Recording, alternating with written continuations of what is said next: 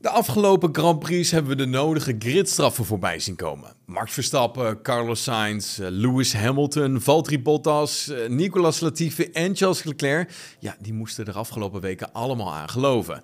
In sommige gevallen moesten er meerdere coureurs vanaf de achterkant van de grid starten. Maar ja, hoe wordt er nou bepaald wie er vooraan dat lijstje komt? Nou, dat leggen wij je uit in deze gloednieuwe GPFN Special. Laten we beginnen met het bespreken van de type gridstraffen die er zijn. Er zijn in principe twee typen gridstraffen te onderscheiden, namelijk een technische en een sportieve gridstraf. Een technische gridstraf wordt uitgedeeld indien een coureur meer onderdelen gebruikt dan reglementair is toegestaan, of in de gevallen van Park Vermee worden overtreden.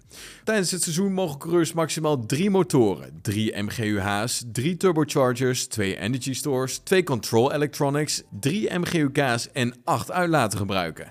In het geval dat een nieuwe motorleverancier de sport toetreedt, mogen de klantenteams met toestemming van de FIA van alles een extra onderdeel krijgen. De versnellingsbak van de coureur moet minimaal 6 races meegaan. Alleen als de coureur de racer voor een DNF heeft laten noteren, mag hij eerder een nieuwe versnellingsbak laten monteren. Indien een coureur het maximaal aantal onderdelen overtreedt, volgt er automatisch een gridstraf. Nou, de eerste keer dat een nieuw element moet worden gebruikt, kost dit 10 plaatsen. Mocht het element nog een keer moeten vervangen worden, dan kost dit 5 plaatsen. Ja, indien een coureur meer dan 15 plaatsen gridstraf krijgt, dan moet hij automatisch vanaf de achterkant van de grid starten. Vanaf het moment dat een coureur in Q1 de garage uitrijdt, wordt Park Vermee van kracht. Nou, vanaf dat moment mag er niets meer veranderd worden aan de afstelling van de wagen. Indien er onverhoopt toch iets veranderd moet worden, dan volgt er natuurlijk een gridstraf. Sportieve gridstraffen worden uitgedeeld door de FIA als gevolg van een overtreding op de baan. Ja, veruit de meeste gevallen gaat het hierbij om incidenten tijdens de kwalificatie, maar soms is het ook een gevolg van een incident wat een race eerder heeft plaatsgevonden. Denk daarbij aan de crash van Max Verstappen en Lewis Hamilton in Monza. Verstappen werd toen als schuldige partij aangewezen, maar kon geen tijdstraf incasseren omdat hij al een DNF had laten noteren. En daarom kreeg hij een gridstraf voor de eerstvolgende race. Tijdens de eerste kwalificatiesessie moeten alle coureurs een tijd neerzetten die binnen 107% van de tijd van de persoon op P1 is. Een coureur die geen tijd neer kan zetten, moet toestemming vragen om vanaf achteraan nog te kunnen starten. Een snelle ronde in de vrije training is genoeg om te bewijzen dat een coureur snel genoeg is. Een coureur die zo gekwalificeerd wordt, die wordt achteraan alle overige strafhebbenden gezet.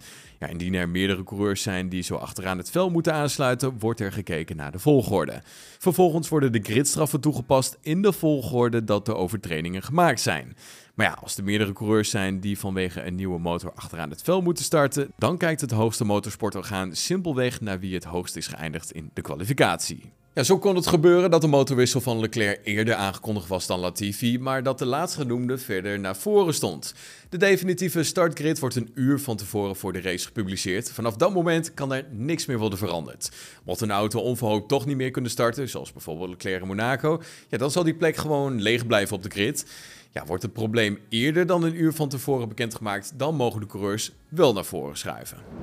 Dat was hem dan de special van deze week. Heb je genoten van deze aflevering? Laat je horen via onze Apple Podcast pagina of vergeet ons niet te volgen op Spotify.